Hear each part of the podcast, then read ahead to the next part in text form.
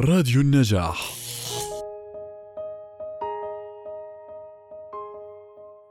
اهتمت الحضارات على مر السنين بشأن العذرية وإعطاء أهمية وقيمة له.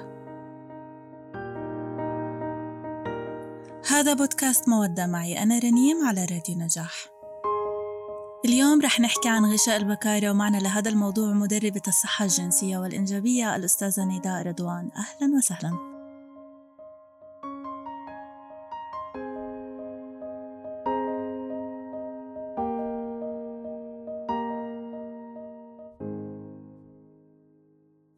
فيكي كيفك؟ منيحة تمام نداء كتير بنبسط بإعداد وتقديم الحلقات لما بكون موجودة معك يا نداء عن جد. لأنه في نقاشات بتكون لأنه كمان مقال مقالاتك وإعداداتك للحلقات تحديدا بتكون هيك مثمرة جدا. بالبداية نداء لتحديد سبب وجود هاي الحلقة تحديدا هي كثرة الأسئلة المقدمة من قبل الفتيات عن هذا الموضوع. والقلق الحاصل للفتاة من مجرد معرفتها لمفهوم غشاء البكارة وصولا لليلة الزفاف. فإيش هو الغشاء البكارة أو الإكليل المهبلي؟ وشو وظيفته أو أهميته الفسيولوجية؟ هلا هلا موقعه لغشاء البكارة بيكون على بعد واحد سنتي لاثنين سنتي تقريبا من فتحة المهبل. هو عبارة عن غشاء مخاطي موجود في هاي المنطقة. هل له وظيفة فسيولوجية؟ لا. لا يوجد أي وظيفة فسيولوجية. هو عادة بتشكل بالشهر الثالث للرابع من الحمل. بس يعتقد أنه في في المرحلة الجنينية هو موجود لحماية المهبل من الميكروبات آه، أو حدوث أي التهاب. لكن هل فعليا آه، بعدين في المراحل المتقدمة من العمر هل له أي وظيفة فسيولوجية؟ لا ما له أي وظيفة إذا السؤال اللي بعده بدي يكون نداء هل ضروري وجود آه، إكليل المهبلي آه، لجميع السيدات؟ هل جميع الفتيات بنولدوا بغشاء مهبلي بغشاء بكارة؟ لا بعض الفتيات بنولدوا بغشاء بكارة والبعض الآخر لا يعني ليس شرطا وجوده آه، ومختلف طبعا آه، ماهيته وكيفيته بين بنت وتانية طيب تمام. إذا السؤال اللي أنا يعني بحب أعرفه إذا كان في هناك أنواع أو خصائص آه، للغشاء البكارة أو خلينا نحكي طول الحلقة إكليل المهبلي علشان أصلا ما فيش غشاء للبكارة آه بالضبط. الإكليل المهبلي آه هلأ في له عدة أشكال مختلفة.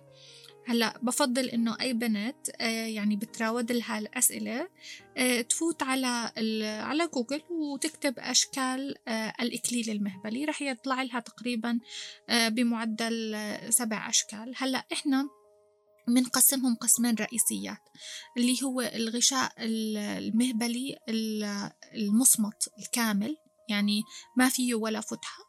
وطبعا في هاي الحالة بس تنولد الطفلة لازم يكون في تدخل بحيث إنه إيجاد فتحة آه، حتى يتمكن من من الطمس آه بعدين وقت البلوغ بصير آه عندنا طمس عشان يتيح لدم الطمس بالخروج.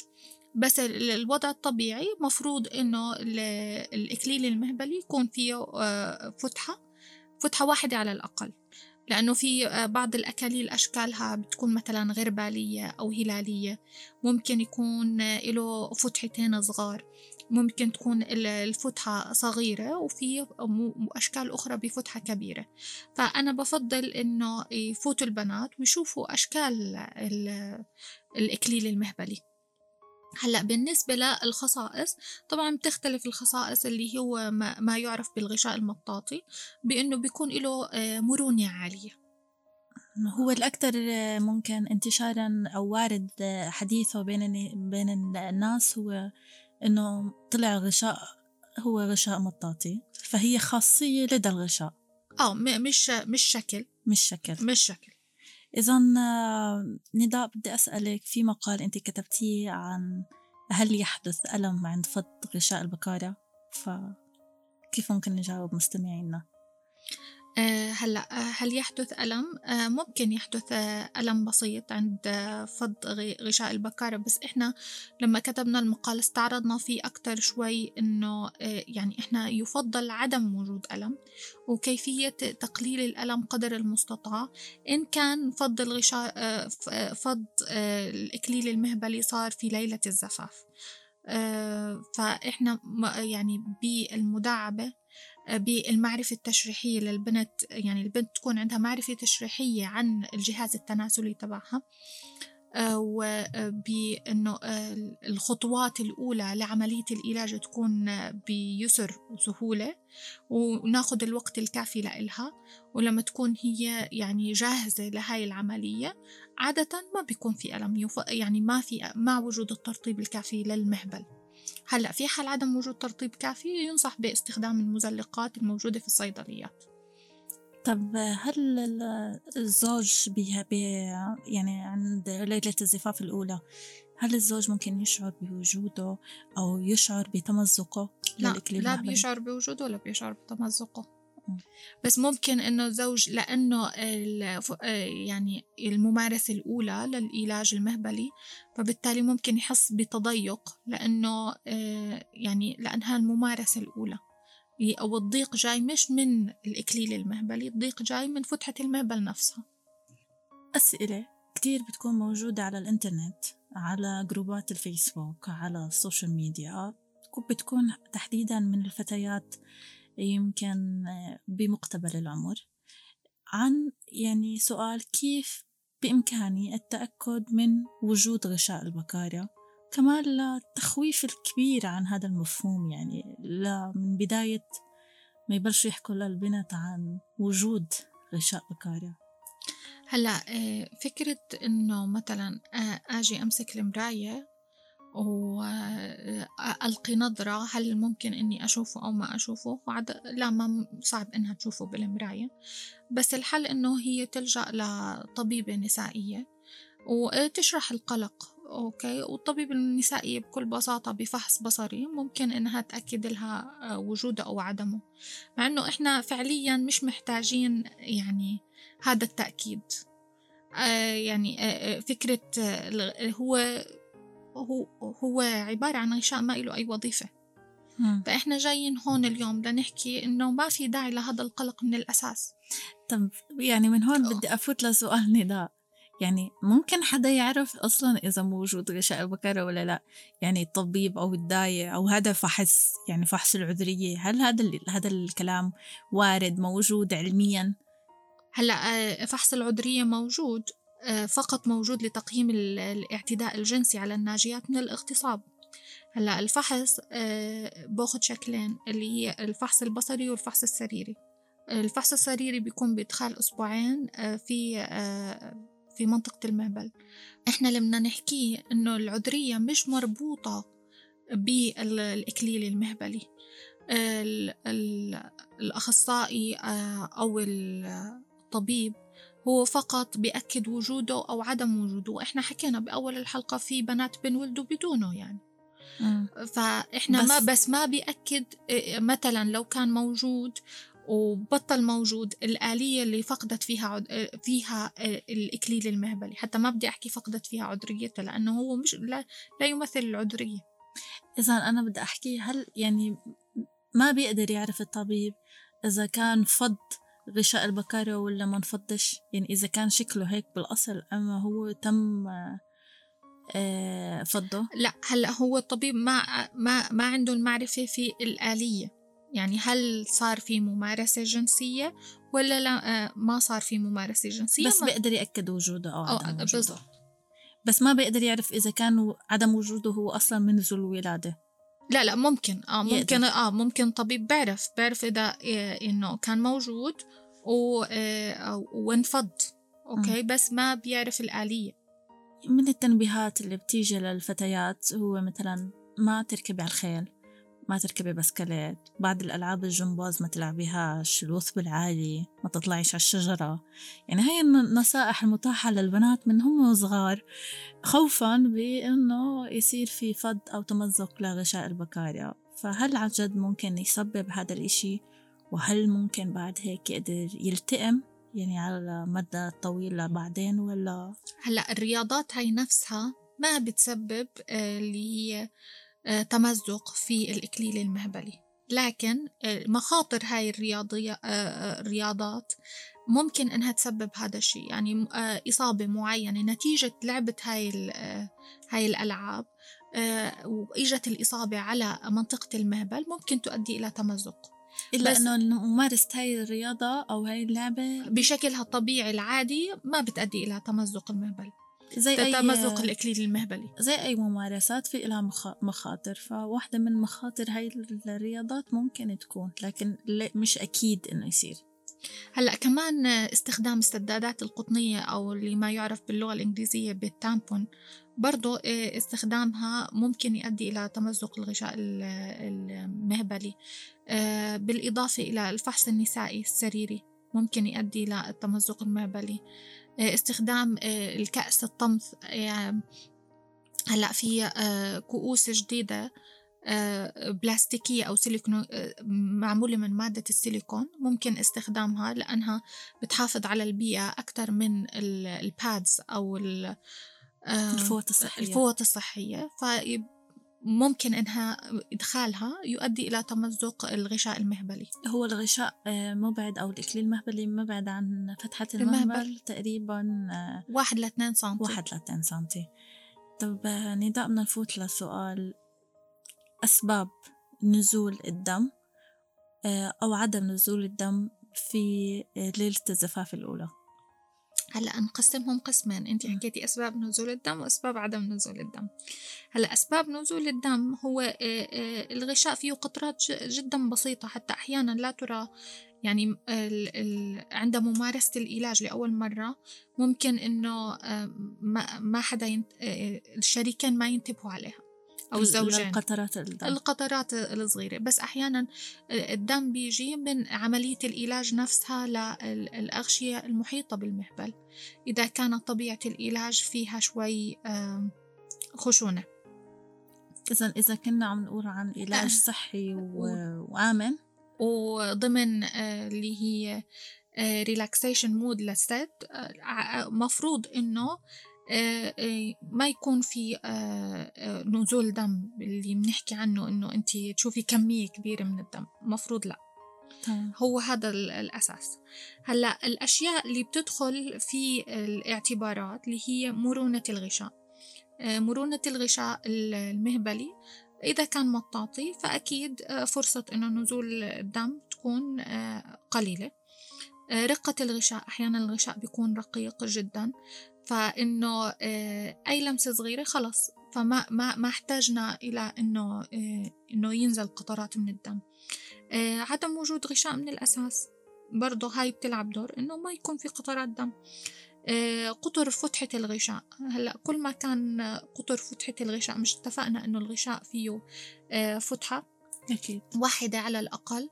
فإذا كان قطرها كبير فإنه نسبة إنه ينزل منها دم بتكون أقل.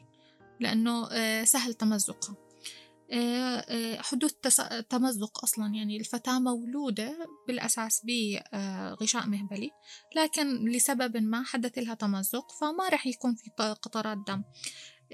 حجم القضيب وطبيعة العلاج. حكينا كل ما كان طبيعة العلاج سهلة سلسة وبوضعية جيدة اللي إحنا عادة ننصح الأزواج بالوضعية التبشيرية. آه، كل ما كان ما ما في فرصة لحدوث نزول دم. هاي أسباب عدم نزول الدم. عدم نزول الدم. هل ممكن يتأخر نزول الدم؟ يعني ممكن مش من أول عملية علاج يكون في نزول دم إكليل المهبلي ممكن يتأخر هذا الموضوع؟ آه عادي ممكن يتأخر ما في مشكلة بس آه هلأ بتكون بطبيعة العلاج بحيث إنه العلاج ما كانش مكتمل مية بالمية. آه فإنه وهذا الإشي طبيعي في الممارسات الجنسية الأولى في العلاقة الزوجية. وبدي أأكد بس على الإشارة اللي أنت قلتي عنها إذا كان كميات آه، الدم مرئية وكبيرة فهذا دليل على وجود يعني مشكلة. مشكلة. ممكن يكون في جرح ممكن كان في جفاف ممكن يعني أسباب أخرى لا تتعلق بوجود الإكليل المهبلي أو بعدم وجوده. بالضبط. أو ممكن مثلا أسباب مرضية إنه المنطقة كان فيها آه، يعني التهاب فإنه أدى إلى يعني زيادة زيادة المشكلة. آه نداء. هل ممارسة العلاج لأول مرة آه مؤلمة؟ هلا آه عادة بتكون آه، يعني نوعا ما للسيدة. مؤلمة بس إحنا آه، بالنصائح اللي دايما إحنا بننصحها إياها بإنه يكون وضعية مريحة بالنسبة لإلها. هاي من من ضمن الأشياء التبس اللي بنحكيها للسيدة. آه وكمان استخدام المزلقات الأنواع المختلفة منها المائية أو السيليكونية اللي ممكن إنها تلاقيها مناسبة لإلها. آه آه أحيانا في بعض البنات ممكن إنها تستخدم مخدر مخدر موضعي. هاي الأشياء بتخفف من من الألم بس الألم مش مفروض يكون آه، ألم شديد. في حال كان الألم شديد يفضل إنه هي تستشير آه، آه، استشاري نسائي وتوليد. لحتى تعرف أسباب سبب. آه. هذا الألم بدي أسأل عن سؤال بشكل واضح هل نزول الدم ضروري لتأكيد العذرية؟ هل نزيف الفتاة عند ممارسة الجنس لأول مرة مؤشر لعذريتها؟ هلأ أنا بفضل إنه آه، في الخطبة يصير في بعض المصارحة في شكل من أشكال هاي الأسئلة بحيث إنه البنت تسأل الشخص اللي متقدم لها هل أنت متوقع في ليلة الزفاف إنك تشوف قطرات دم؟ آه، هلأ هو كجواب علمي آه، العذرية مش مرتبطة أبدا بالإكليل المهبلي وإحنا شرحنا الأسباب لأنه ممكن فتاة أصلا تولد بدونه وما في ربط أصلا بيناتهم. لكن في حال إنه إحنا ما بدنا ننقل المشكلة لمشكلة اجتماعية تانية فإحنا يفضل إنه الفتاة يكون عندها فكرة إنه إيش فكر الشخص اللي هي بدها ترتبط فيه. هل هو عنده توقعات بإنه وجود آه، قطرات من الدم؟ وهل عنده هذا الاعتقاد بأنه وجود الدم ضروري لتأكد من العذرية. من عذرية وإذا فعليا ما نزل آه، قطرات دم إيش ردة الفعل بالنسبة له رح تكون؟ هل هو رح يعمل ردة فعل ولا إنه هو بيعتبر الموضوع يعني ماخده من وجهة نظر علمية؟ هلا على أرض الواقع في في رجال يعني مثلا عندهم معرفة بالغشاء المطاطي. وبيعرفوا إنه في نسبة من البنات عندهم إياه. بس ما بتوقعوا إنه زوجته المستقبلية يكون عندها غشاء مطاطي. فلما يكون في في هو تصير معاه نفس الحادثة بتصرف بتصرف إنه بشكك في آه، في عذرية الزوجة. مع إنه فعليا هو كمفهوم علمي هو فاهمه بس هو مش قادر يطبقه على حاله.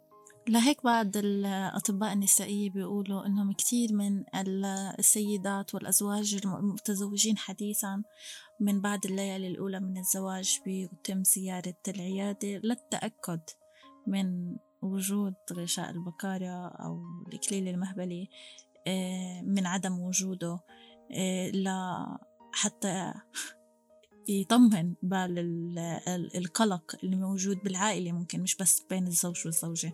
هلأ إذا بتلاحظي إنه في أحيانا آه، بعض الاستشارات اللي بتنزل على الصفحات واللي أنا ما بفضلها أبدا أنا بفضل إنه اللي عنده سؤال محدد يروح عند الاستشاري الخاص بالسؤال إن كان قانوني أو إن كان آه، طبي. على المختص نفسه بدون ما اللجوء لهاي الصفحات بس إنه آه، الموضوع بيضل مأزم الزوج لسنين طويلة. وإنه برجع بفتحه وبحكي طب ما أنا ما شفت العذرية في ليلة الزواج مع إنه ما كان في مؤشرات أصلا يطعن في عذرية الزوجة. بس هاي المفاهيم ضروري إنه إحنا نوعي فيها مش بس الزوج كمان الفتاة اللي بتضلها تسأل أسئلة ملحة وعامل لها قلق بشكل بشكل دوري. يمكن لأنه من بداية فهم الفتاة لمفهوم العذرية ببلش عندها قلق من نتيجة المظاهر الاجتماعية عن المشاكل اللي بتصير ما بعد آه، زواج سيدات من أقاربهم أو معارفهم أو حتى من على التلفزيون والحادثة اللي بتصير في حال ما تم نزول دم لأول مرة بممارسة الجنس.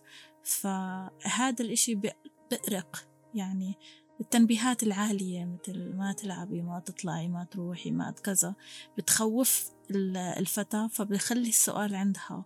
يمكن عشان هيك وجود هاي الحلقة ضرورية لحتى إنه نحكي إنه نهدى شوي. وما نربط مفهومين مختلفين تماما. م. العذرية هي يعني مش مربوطة بشيء. بالضبط. وإكليل المهبلي ما له أي علاقة بإثبات آه، عذرية الفتاة أو إثبات إذا هاي السيدة مارست العلاج المهبلي تحديدا أو لا. هلأ في من بعض الأشياء اللي لما حضرنا للحلقه استعرضناها إنه آه، في الريف المصري بيستخدموا كبدة الحمامة آه، استعاضة بدل الإكليل المهبلي خوفا من إنه ما ينزل دم فيصير في مشاكل. في مشاكل. بس هاي الطريقة مش صحية أبدا. أو ممكن اللجوء لبعض. الأشياء المتاحة مثل ترقيع الترقيع للغشاء عمليات. أو السؤال الأطباء قبل قبل ليلة الزفاف وهذا كمان كان واحد من الأشياء الواردة عند الأطباء النسائية إنه بقول ممكن يجوا سيدات فتيات يسألوا لأنهم قلقين إنه تأكد لنا إنه أمورنا تمام. وفي كمان هو أحيانا كمان إنه أحيانا الفتاة بتمر بتجارب ممكن نسميها تحرش وهي ما عندها فكرة شو طبيعة العلاج وإنه مش بهالسهولة ممكن إنه يصير في آه، تمزق لغشاء البكارة. فإنه آه، أحيانا لأنه باللاوعي هي ما بتدرك آه، كمية التحرش اللي صارت. فبصير عندها هذا النوع كمان من القلق. يعني أنا ما بدي أقلل من آه، كمية التساؤلات. أحيانا تجارب الفتيات مختلفة من تجربة لأخرى. إنه مش بس القلق لأنها صار عندها معرفة بالإكليل المهبلي. أحيانا القلق بيجي من تجربة آه، تجربة جنسية سيئة. فإنه آه، أنا عشان أخفف القلق تبعي أتوجه لأي دكتورة نسائية. وبكل بساطة أحكي لي نفس الحكي أو الثوتس الأفكار اللي بتيجي في رأسي أحكي لها إياها. وهي قادرة بكل بساطة يعني على تهدئة على على تهدئة الموضوع ومعرفة وإعطائها الجواب اللي هي بتدور عليه. بدون ما تلجأ لمواقع التواصل الاجتماعي وتسأل ناس ما عندهم فكرة ولا خبرة عن الموضوع. لأنه ممكن يزيد الموضوع أكبر ون... ونثبت هاي المفاهيم أكثر بمخيلتها ويضل الرعب موجود. هلا آه، دايما السؤال إنه طب في دكتورة متفهمة؟ يعني هم بدوروا على دكتورة. آه، ويعني الفكرة كمان إنه أي حدا بيشتغل بالقطاع الطبي آه، مفروض إنه هو يتعامل بطريقة يعني صديقة أو فريندلي بنسميها مع الشخص اللي طالب المساعدة. فإنه أنا بفترض إنه كل الأطباء طالما هو أدى القسم بإنه هو يعطي الخدمة الصحيحة للمريض. بتشكرك نداء الحلقة كانت كتير مهمة. إذا بتحبي تتركينا بأي نصيحة آه، نهائية لأي حدا عم بيشغل باله كان ذكر؟ أما فتاة أما مجتمع آه، عم بيستنى إثبات أو حتى للأطباء نصيحة عامة إنه هي أمنية مش نصيحة. أنا بتمنى ما أرجع أشوف هاي الأسئلة المتكررة من الصبايا. إنه بحيث آه، لو آه، يكون في توعية من المعلمات في المدرسة من بداية سن المراهقة بهذا الموضوع. بحيث إنه بتخف كمية التساؤلات اللي موجودة عند الفتاة آه، بما يتعلق بشأن العذرية والإكليل المهبلي. مستمعينا بتقدروا تشوفوا أكثر عن موضوع آه، الإكليل المهبلية أو غشاء البكارة كما يسمى آه، في منصة مودة dot org ومقال آخر عن آه، أسباب عدم نزول الدم في هذا الموضوع. ومسائل كثيرة بما يتعلق ببناء علاقة ذات صحة جنسية وإنجابية. كان هذا بودكاست مودة معي. أنا رنيم ومن الهندسة الإذاعية أسامة صمادي. لا تنسوا تستمعوا إلنا عبر حساباتنا على SoundCloud Spotify Google Podcast وأبل بودكاست. ومن خلال زيارة موقعنا النجاح دوت نت. إلى اللقاء.